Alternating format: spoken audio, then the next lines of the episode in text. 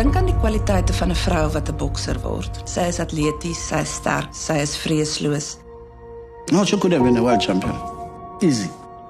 Op die ouderdom van 9 het sy juis karate begin doen omdat sy haarself teen boelies wou beskerm en sy is op die einde deur 'n boelie haar eie lewensgenoot doodgemaak. Ek hou net my asem in en ek wag vir die hulp. Dis die laaste woorde. Mamma, ek gaan hom stop. I love you very much. I will always love you. En sy spring uit en sê, "Mommy, I'm going to stop him." In hierdie episode ondersoek ons die lewe en hartverskeurende dood van Leandre Baby Lee Jagels, 'n uitsonderlike bokser wat haar drome moes opoffer vir 'n skrikwekkende realiteit. Hier is huisgenoot redakteur Ivan Beyers. Dink aan die kwaliteite van 'n vrou wat 'n bokser word. Sy is atleties, sy is sterk, sy is vreesloos, sy is braaf, sy is moedig. Sy is iemand wat haar nie laat inperk deur ander mense se vooroordeele of verwagtinge nie. Sy is iemand wat kan sê I am woman, hear me roar, wat vir ons wys wat gedoen kan word. Nou Leandra Jegels was dit. Sy was 'n pionier, 'n baanbreker, iemand wat grense versit het. Sy was iemand wat vandag moes lewe sodat sy 'n rolmodel kon wees vir die res van ons en vir 'n nuwe generasie jong vroue. Toe word sy doodgeskiet deur haar kerel, iemand wat boonop 'n lid van die polisie was en wat veronderstel is om ander mense te beskerm. En dit boonop voor haar eie ma wat vandag moet leef met die seer en die swaar en die trauma en dat haar potensiaal so wreed kort geknip is deur iemand wat veronderstel was om haar geliefde te wees. Kusrita, Leandre Sama.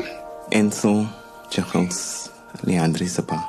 Sy was by St. Dominic's gebore in 1994. Sy was 'n prembabatjie. Sy het omtrent 'n kg geweg met geboorte. Sy was so swak. Rita kon haar nie voorsvoet nie. Sy was te swak om te sê van geboorte af het sy al klaar begin beklei. Ek sal nooit vergeet nie die nurse wat agter haar gekyk het, het gesê, "This child is going to be a fighter." Sy het gevoel sy was altyd geboelie omdat sy so klein en dun was en sy sê vir my these girls are bullying me and everybody just wants to bully me around. So I said, "No, Leandre, I can't fight your battles anymore. It's time you did some sort of self-defense."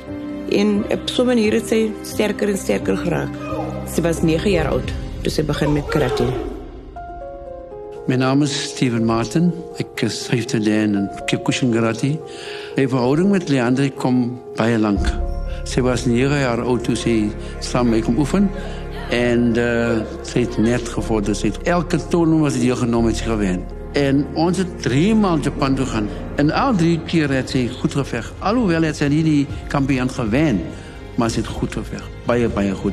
Meneer de Japanezen in die, Rusland, de Rusland mensen is baie goed. Maar ze het goed gevorderd, baie, baie goed. In Zuid-Afrika, nee wat. Ze het al meeste van die champions gewend. Ze het meeste van die trofies gewonnen. Zij heeft mij proud gemaakt. Absolutely proud. My naam is Christian Besuidnout. Ek is 'n professor in kriminologie aan die Universiteit van Pretoria en ek is verbonde aan die departement maatskaplike werk en kriminologie. As jy na Leandre kyk, sy het nie nee gevat vir 'n antwoord nie. Sy wou altyd die beste hê. Sy het verskriklik goed gedoen op skool. Sy het 12 onderskeidings gekry met haar onderwyskwalifikasie en sy het ook 'n onderwyseres geword. Sy het in Oos-London groot geword. Sy was alom bekend as iemand wat die beste wou bereik in akademie en veral in sport. Sy het in 2009, 10, 11 en 12 Suid-Afrikaanse karate kampioen gewees en sy was ook 'n karateka, met ander woorde sy karate gestudeer. Sy was besig om 'n karate klas te train. En dieselfde saal wat hulle getrein het, was die boksers ook by. En die lady promoter, hy het vir haar so gekyk want sy is besig met die punching bag en sy skoppie bag en sy punch punch punch. En na dit toe hy kan sy kry om daar te praat te vry vir haar. Are you not interested in boxing? My name is Andy Lesutinile. I was Leandra's boxing promoter. She grew up in sport, so that influence of sport rubbed off to her discipline. I understand that she started karate at the age of six. She knew what she wanted to do. Very, very, very competitive. I mean, she would cry and get frustrated if she doesn't get a movement or exercise right. She wanted to excel. The other thing that people don't know is that she was a graduate. In the final year of her Bachelor of Education degree, she passed all but one of her subjects uh, by distinction. Well, the good thing about Leandra being a boxer is that most of the work that you usually do to anyone who starts boxing, she did at her karate classes. And when she started, her peers couldn't take her power. So that's why she won most of her fights by knockout. Haar eerste professional fight, die eerste ronde 2 minute, tweede ronde 2 minute, toe stop die referee die fight. Sy het 9 professional fights gehad. Sy het hulle al 9 gewen. As net 2, Wat unanimous was. ja, En die sewe op op, was. TKO's. Die res van hulle was was TKO's. Nou die een opponent wat langs haar sit wat nog saam met haar gaan beklei. Vra, are you ready for me?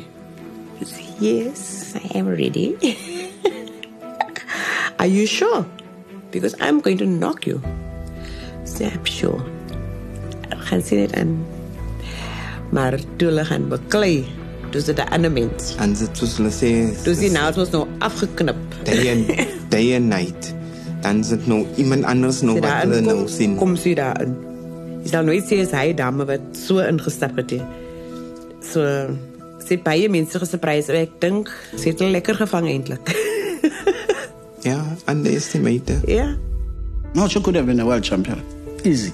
She lost in the finals, I think finals, if not semi-finals, of World Karate Championships in Japan. So she was close to be a world champion in karate. In boxing, she could have been a world champion. I, I don't care who says what. Because she was a South African champion. She was an African champion. She was the only active female boxer. One point, she fought five times a year. Sy kon nou wêreldkampioen gewees het nou. Want sy sou ry Oktober gaan beklei het. En die was Augustus wat dit gebeur het. Die naam Baby Lee is ons babatjie, so ek het haar naam gegee. You are our baby, so you baby and your name is Leandre. So it's Baby Lee.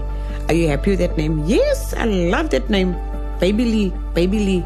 But for a boxer, mommy, am I not supposed to be going like uh, Ja, sy wou 'n Rocky uh, naam gehad. Tiger. It's or something to, to, to intimidate the people. I said, no, you don't need to intimidate people.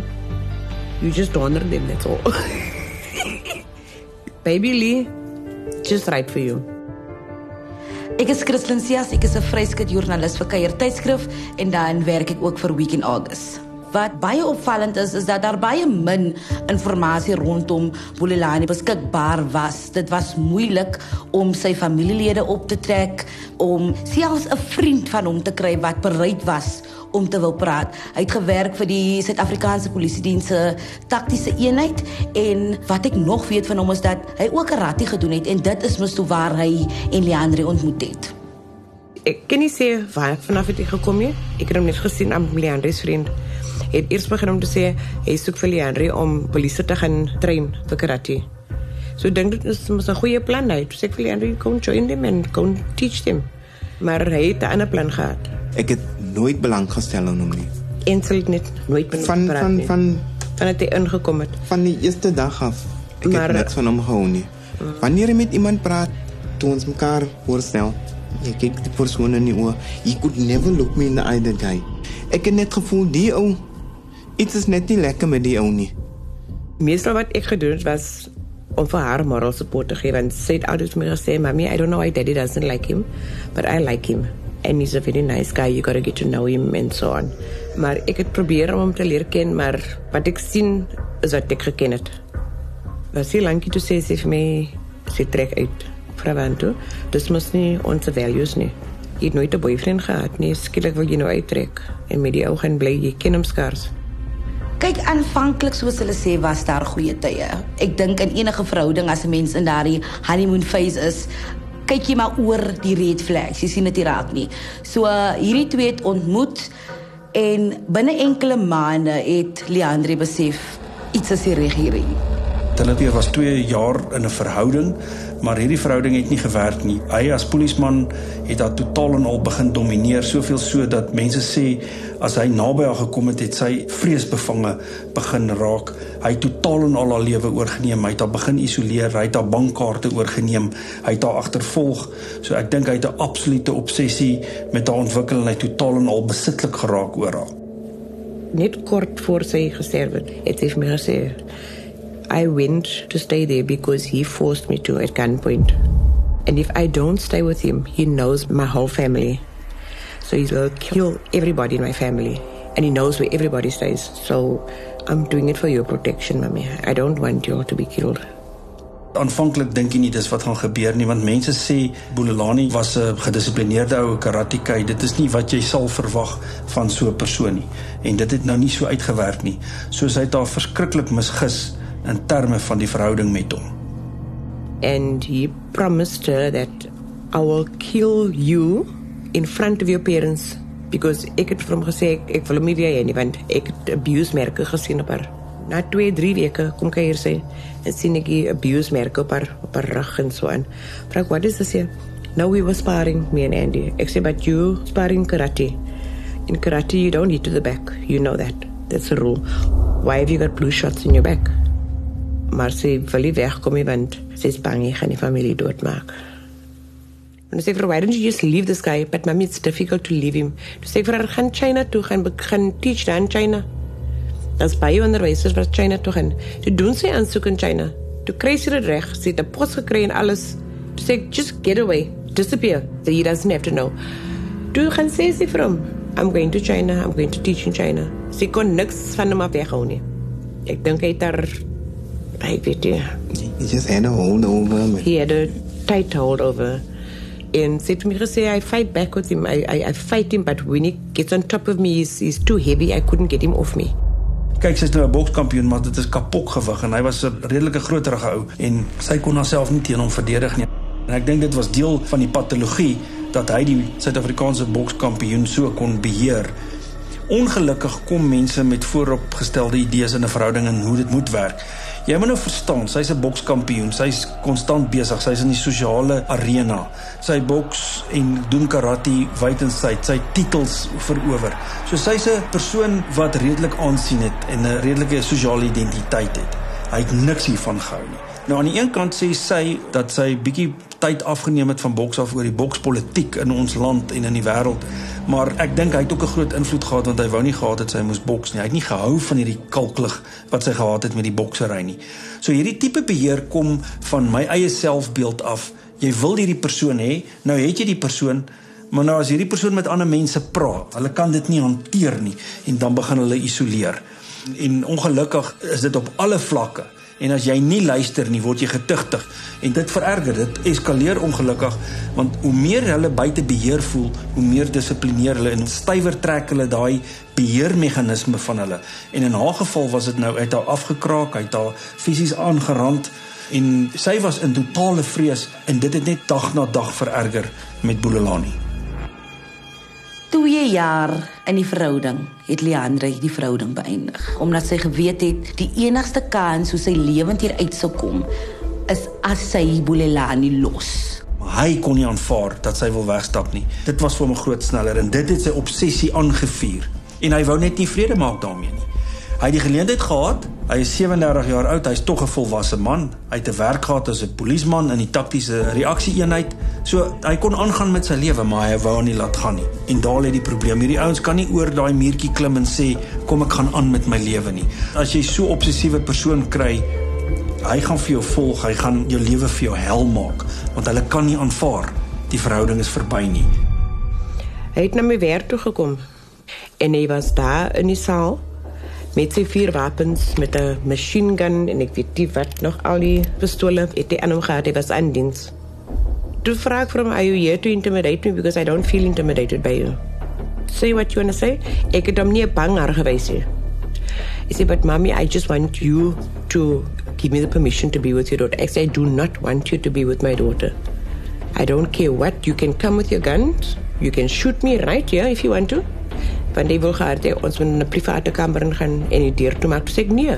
As jy my wil doodmaak, maak my hier voor die mense dood, voor my kollegas dood. Dat ek kan sien, moenie 'n coward is nie. Hy het dan vir Rita gesê, "If I can't have your daughter, I'll make sure you guys are going to suffer. You won't have her if I can't have her. Ek sal jou kind doodmaak, dan gaan maak ek vir julle dood." Want ek wil hê julle moet voel hoe ek voel dat julle nie wil hê ek moet saam met Leandre wees nie. En as ek klaar vir haar doodgemaak het, gaan ek vir julle twee doodmaak. Dan gaan ek die res van die familie doodmaak. Dan gaan daar niks oorbly van jou familie nie. Leandre was vreesbevange haar ma en pa het haar ooreed gaan kry eerder 'n beskermingsbevel. Ek dink hulle het gedink dis die regte ding op daardie stadium en dit is die regte ding. In die ideale stelsel en waar die stelsel nie ons gereeld vol nie en veral beskermingsbevel wat baie keer nie werk nie. Wat doen jy anders? Dit is al wat daar is. Toe ons gaan oorhandig in Cambridge Police Station. Toe ons daar kom met die vorm, ek kan nog dit nou in by die polisie. Niemand wou dit gevat het nie. Gee dit vir die een polisieman. En kyk hierdie ding, is mos hulle kollega. Ek kyk die ding en gee vir die next een. Van die een nee, gee vir die next een en so het aangegaan. Toe kom 'n vroumens in en sê van die vorm, sy sê nee, ek sal dit ding oorvat. Sy het nou die report gevat en op die foon sê, toe bel sy die ou en sy sê vir hom you have a protection order against you to avoid embarrassment. Can you please come and sign it here at the police station? Which het ek gevoel is baie verkeerd, want dis nie die protokol nie. Ja, ek dink dit is my problematies dat 'n kollega hom geskakel het en gesê hy moet nou die beskermingsvel kom kry by die polisiestasie waar hy gewerk het deur 'n kollega wat interessant is, die kollega het in Khoza gepraat en die kollega het nie geweet Leandre se ma kan Khoza verstaan en volg nie en sy kon presies hoor wat gesê is. So die proses is heeltemal verkeerd gevolg want sy was nou in vrees. Daai kollega het geen reg gehad om hulle daar te probeer hou. Hoe het sy nou geweet sy moet nou vir Bololani skakel? Ek dink Bololani het gesê ja, hierdie vrou het my net sommer verlaat. Daar's iets fout met haar. Hy stories verdraai vir sy kollegas en hulle sal eerder natuurlik in die subkultuur van die polisie hom glo as wat hulle haar glo en ek dink toe skakel hulle hom en sê kom kom kry die beskermingsbevel They say no, you wait here. He's going to come and sign the form. I say, but we don't need the form now. En toe stap ons uit. Sy wou gehad het ons moet daar wees wanneer die man kom. Toe huil Leandre. Sy sê, mommy, I'm so scared of this man. He's going to kill us. He's going to kill us. He will kill us in front of his colleagues here because these people will be there for him to protect him. Toe gaan ek uit. Sê ek nou, let's go. Toe stap ons uit. En ons het maar net in die kar gehou. Elke keer as ons iewers gaan, en nou ons het net in die kar.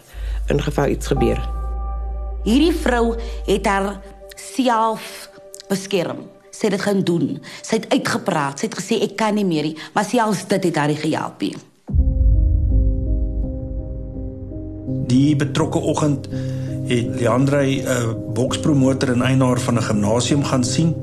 Die Julie sou sy 'n boksgeveg gehad het in Saudi-Arabië met haar terugkeer na die ring en verduidelik toe dat sy nie die geveg kon kry in Saudi-Arabië nie want net voor sy gaan het die koning van Saudi-Arabië gesê geen vrou mag aan aggressiewe gewelddadige sport deelneem nie en dit word nie toegelaat nie. So haar boksgeveg is toe daar gekanselleer. En toe sy huis toe en sy en haar ma toe later die oggend van hulle huis af gery.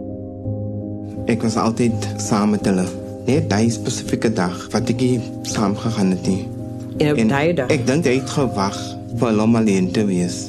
En ehm um, klim ons in die kar in en ons sit die musiek aan en musiek speel hard en ons sing en gaan 'n keer ons het vergeet as 'n stoke. en wat ons ook eens gekyk of iemand is wat ons miskien dophou of ietsie. En op pad so en toe het al die gebeur. Ons gaan mos nou deur Dansani en ek ry, so ek ry voel ek kyk in my spieël. En Ek sien 'n kar wat so vas teen my ry agter. Toe wonder ek nou wat gaan nie in. Hy ry te na my. En ek gee nou pad, ek dink miskien is dit iemand wat dastig is. Die pad gee dus 'n dieeltjie. Ek kom en sê skryf my dat mami is Golani, dit sê Thomas Andy geroep. It's Andy, it's Andy's in the car. Toe probeer ek om nou weg te kom. Dus wat hy my so skiet. En hy skiet my hierso. Toe gaan dit onder my oog, deur my neus uit. En toe sê ek mos so heeltemal oop hierso. Toe ry ek maar aan en sy paniek in die kar.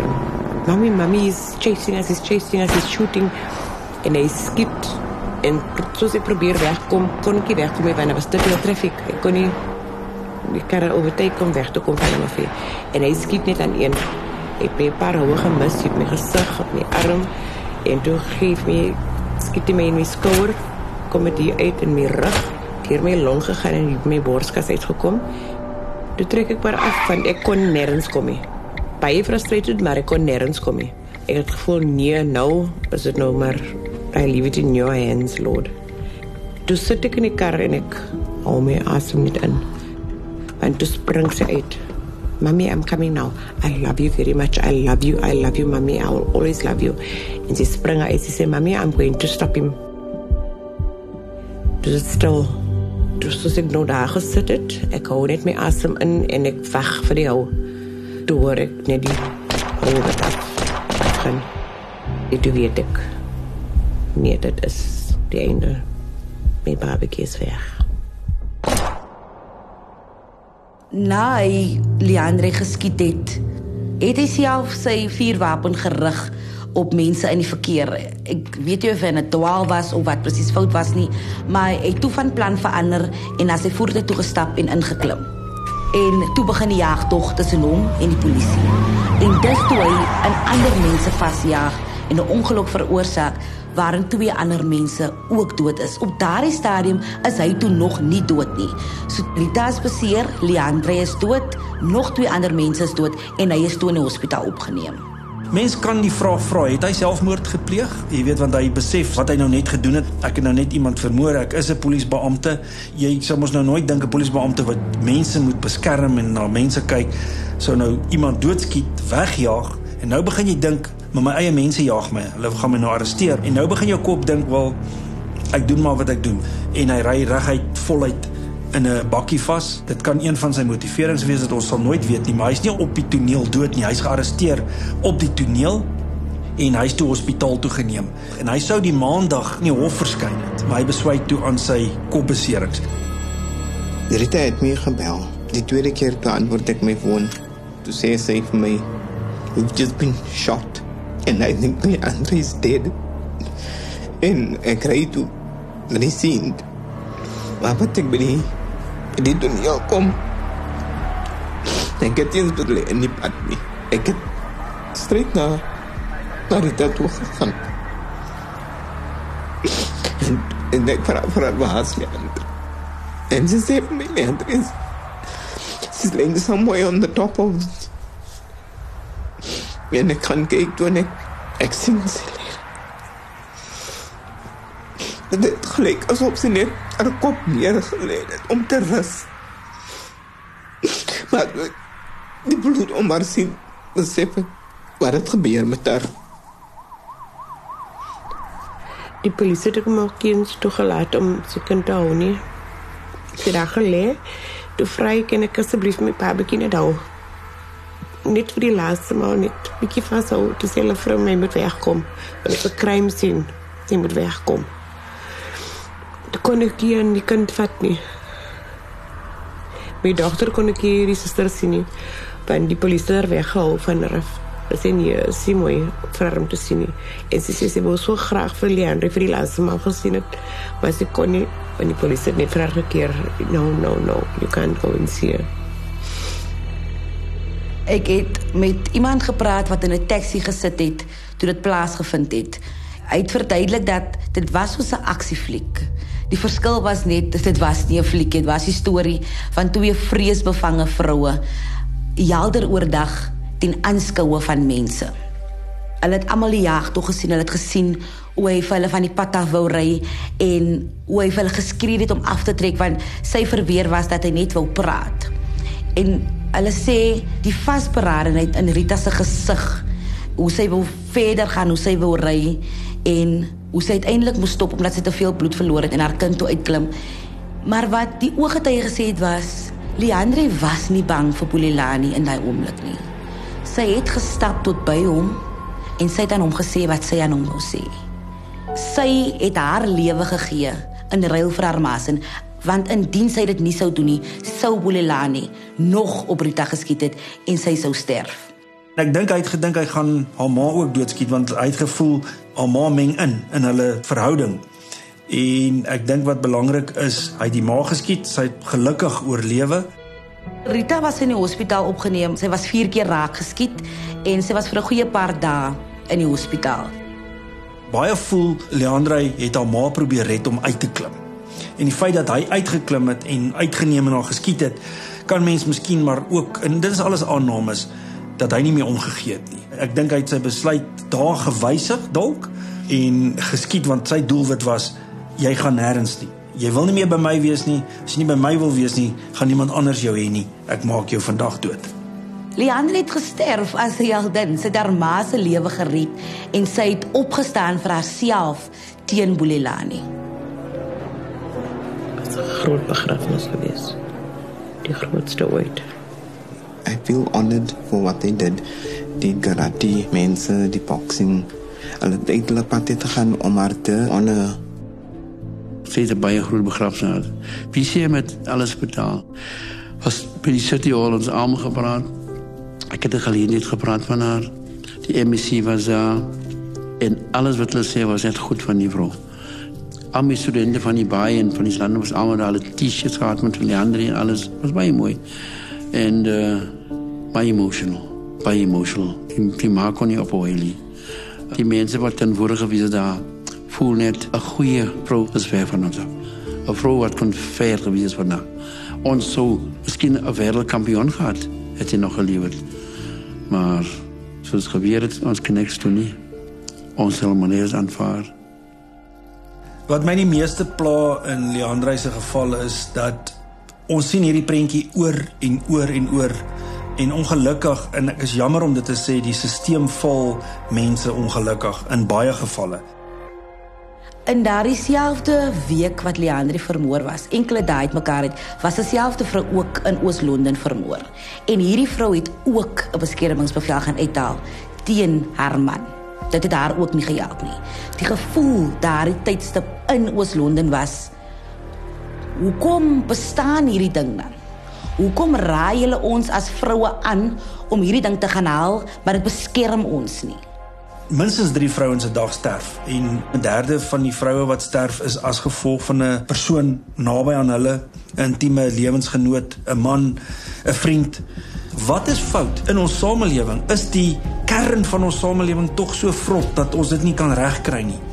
Hoeveel projekte het die regering? Niks van dit werk nie. Inteendeel, geweld teenoor vroue is besig om te eskaleer en geweld teenoor kinders. Kom ons sê daar's 'n polisieman op elke hoek van die straat. Dink jy gesinsgeweld gaan ophou? Dit gaan nie help nie. Hierdie goed gebeur agter mure, binne in die huis. Ons moet gaan kyk na daai kernprobleem en dit ook begin aanspreek. Een van die belangrikste goed wat ons wel dit kan begin aanspreek is in die ouerhuis, in ons families, in die skool, in die gemeenskap. In daardie tyd van Leandri se moord was daar gevlaag moorde van vroue. Dit was asof daar 'n oorlog verklaar was teen vroue op daardie tydstip. En dit het my as vrou om te berig oor hierdie sake verskriklik erg affekteer. Ek kan onthou dat daar aande was waar ek huis toe gegaan het en net gaan lê en hy het. Ek onthou ek het op 'n tydstip in my woonstel het ek 'n skeer gehad en dit was elke aand langs my kop. Ek het nooit sonder 'n skeer of 'n mes of iets gaan slaap want ek wou myself beskerm. Ek moes myself beskerm. Dit het my so affekteer omdat jy nie geweet het wat om te doen nie. Jy het nie geweet waarheen om te gaan nie en om elke dag uit te gaan en met hierdie families te gaan praat en vir hulle te sê alles gaan fyn wees. En dis 'n leuen. Want nie die volgende week gaan nog 'n koerant of nog 'n tydskrif berig oor 'n ander vrou wat vermoor is. En dan gaan hulle weer herinner word aan die intense seer wat hulle beleef het toe hulle hul geliefde verloor het. Hierdie vroue se moorde het aanleiding gegee tot iets soveel groter.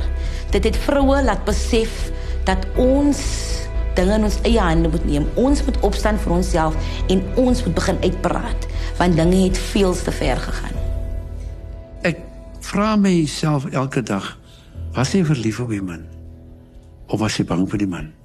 Ek dink sy was meer bang vir hom. En hy het haar gesê, as jy my dag mee los gaan ek jou skiet, gaan ek jou wegvat. Op die ouderdom van 9 het sy juis karate begin doen en dis vol kontak karate omdat sy haarself teen boelies wou beskerm en sy is op die einde deur 'n boelie haar eie lewensgenoot doodgemaak. Het te gou gegaan. Ja, ek was kwaad. Hy moes lewe sodat hy kan betaal vir wat hy gedoen het. The guy who made such damage to get the his way out just like that, it's not fair, is it? So mooi meisie, oulik meisie, sterk meisie. En die man kom in haar lewe. Het nie net die ma en die pa se hart gebreek, het almal se hart gebreek. Die ouers het so lief vir vir Leander. Hulle was baie lief vir haar. baie baie lief vir. She, she was brave. I mean, if it was me, I would get out of the car and run away. But she didn't. I mean, she, she went straight to, to harm's way, straight to harm's way, and just to tell the guy, stop. Sy het gestaan vir soveel meer as net 'n bokser. Sy is steeds 'n inspirasie in haar gemeenskap. Sy is steeds 'n lig vir haar ouers en sy was nie net 'n slagoffer van iemand wat 'n lafaard was nie. Sy was soveel meer as net 'n slagoffer. Leanne was 'n tipe persoon as 'n boemelaar hier kom en hy vra vir 'n stukkie brood. Leanne gaan nie vir daai ou stukkie brood gee nie. Sy gaan sê gaan gou 'n eier maak vir die ou. Dat ek regtig aan bak sy gou 'n eier aan mekaar. Uh, dan gaan sy juice of iets maak en vir hom 'n bottel gee en sy was 'n liefdevol kind. Te veel liefde. Uh, liefdevol. Ek groei as een mens wat sleg geen praat van haar nie. Leandre, where's your, your Adidas t-shirt? I gave it to Samantha. Why? She's got no clothing, mommy. Spent the nieuwe kleren. so, uh, Dit betek keer baie baie kwaad gemaak. maar dis die tipe mens wat sy was. Kan ek kon dit uit haar kry nie. ja, sy het sy het haar van goud gehad, man. She's special. Ja. Is moeilik vir ons om weer van oor af te begin. Sonder haar met ehm um, wat ons altyd as familie gedoen het. Iets uit jou siel uit wat net nie kan gereplace word nie, is weg. So Dit is iets wat jy maklik kan oorkom, nie, maar ons moet dit tog oorkom. Ehm um, ons sal nie vergeet van haar nie, ons sal nooit vergeet van haar nie, maar as ons net van haar begin praat dan dan val ons in mekaar in.